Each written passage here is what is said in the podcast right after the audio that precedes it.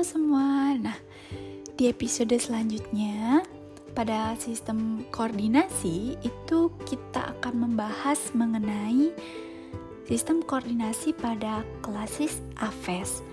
Nah, sistem saraf AVES khususnya burung itu secara umum terdiri dari sistem saraf pusat termasuk otak, sumsum -sum tulang belakang, sistem saraf perifer termasuk saraf kranial dan tulang belakang, saraf otonom, dan ganglia serta organ indera. Di mana fungsi dari sistem saraf burung adalah untuk memperoleh informasi tentang lingkungan internal, yaitu melalui reseptor sensorik dan eksternal, di mana uh, untuk menganalisis dan jika diperlukan menanggapi sebuah informasi itu, kemudian menyimpan informasi sebagai memori, mengkoordinasikan impuls, motorik, keluar ke otot rangka dan visera atau otot polos, otot jantung, dan kelenjar. Nah, neuron sensorik ini merupakan alarm yang dipicu atau dirangsang oleh berbagai organ indera, di mana Organ indera itu adalah mata, telinga, bulu, dan lain sebagainya. Nah, mereka mengirim pesan ke otak yang digunakan burung untuk beradaptasi dengan lingkungannya melalui tingkah laku mereka.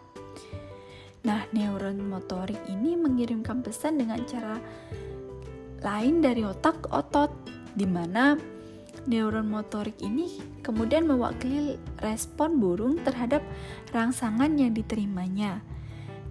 Neuron sensorik mengirimkan informasi ke otak dan ganglia lain, sedangkan neuron motorik mengirimkan instruksi untuk tindakan dari otak atau ganglia ke otot dan organ. Nah, apabila kita cermati perbandingan tulang belakang tipikal burung dengan klasis reptil dan mamalia, Nah, pada sumsum -sum tulang belakang burung itu terjadi pembesaran di daerah serviks yang disebabkan banyaknya akson yang dibutuhkan untuk mengontrol otot sayap. Pembesaran lumbal terjadi karena banyaknya akson yang mengontrol kaki, kemudian bagian toraks itu agak tipis karena gerakan sayap dan anggota badan tidak perlu tidak perlu terkoordinasi. Nah, jadi lebih sedikit interneuron yang dibutuhkan di sana. Nah, teman-teman bisa melihat pada PowerPoint yang sudah disediakan.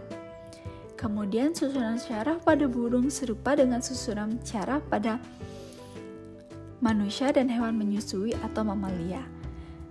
Nah, segala kegiatan itu diatur oleh susunan syaraf pusat, di mana susunan syaraf pusat terdiri dari otak dan susum tulang belakang.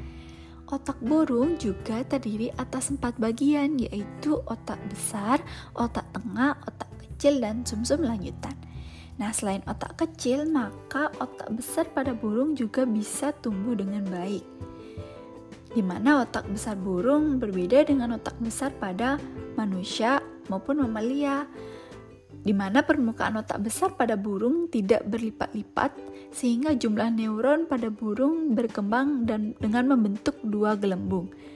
Perkembangan ini berhubungan dengan fungsi penglihatan pada burung. Nah, mari kita bahas satu persatu terkait dengan struktur saraf pusat ini. Oke, kita akan mulai dari otak besar.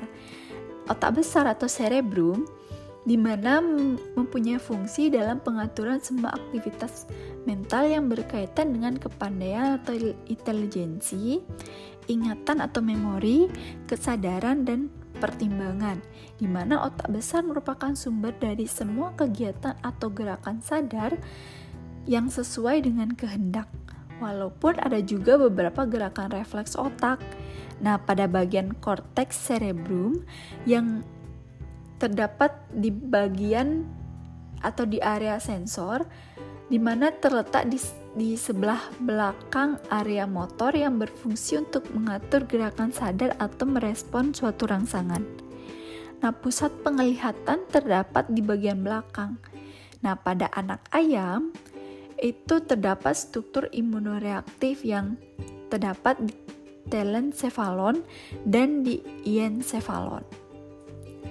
Kemudian bagian yang kedua yaitu otak tengah atau mesencephalon, di mana otak tengah terletak di depan otak kecil dan jembatan farol. Di depan otak tengah terdapat talamus dan kelenjar hipofisis yang mengatur kerja kelenjar-kelenjar endokrin. Bagian atas atau dorsal otak tengah merupakan lobus opticus yang mengatur refleks mata seperti penyempitan pupil dan juga merupakan pusat pendengaran. Oke, selanjutnya adalah otak kecil. Otak kecil pada burung mempunyai lipatan-lipatan yang memperluas permukaan sehingga dapat menampung sejumlah neuron yang cukup banyak. Perkembangan otak kecil ini berguna bagi pengaturan keseimbangan burung di waktu mereka terbang. Kemudian yang terakhir adalah sumsum -sum sambung atau medula oblongata Sumsum sambung berfungsi menghantarkan impuls yang datang dari medula spinalis menuju ke otak. Sumsum sambung juga mempengaruhi jembatan refleks fisiologi seperti detak jantung, tekanan darah, volume dan kecepatan respirasi, gerak, gerak alat pernafasan, dan eksekresi kelenjar pencernaan. Selain itu, sumsum -sum sambung juga mengatur gerak refleks yang lain seperti berkedip. Oke, otak besar dan otak kecil burung itu berkembang sempurna karena burung memerlukan aktivitas yang tinggi saat bergerak dengan cepat serta mempunyai penglihatan yang baik. Permukaan otak besar burung tidak berlipat-lipat sehingga tidak banyak mengandung sel saraf tetapi permukaan otak kecil burung terdapat banyak lipatan yang mengandung banyak sel saraf dan permukaannya menjadi lebih luas. Hal tersebut menyebabkan burung memiliki keseimbangan yang cukup baik. Kemudian, tengah berkembang baik dengan membentuk dua gelembung yang berfungsi dalam penglihatan mereka. Sementara itu, pusat penghidup pada burung berukuran kecil, sehingga indera pembau pada burung kurang sempurna.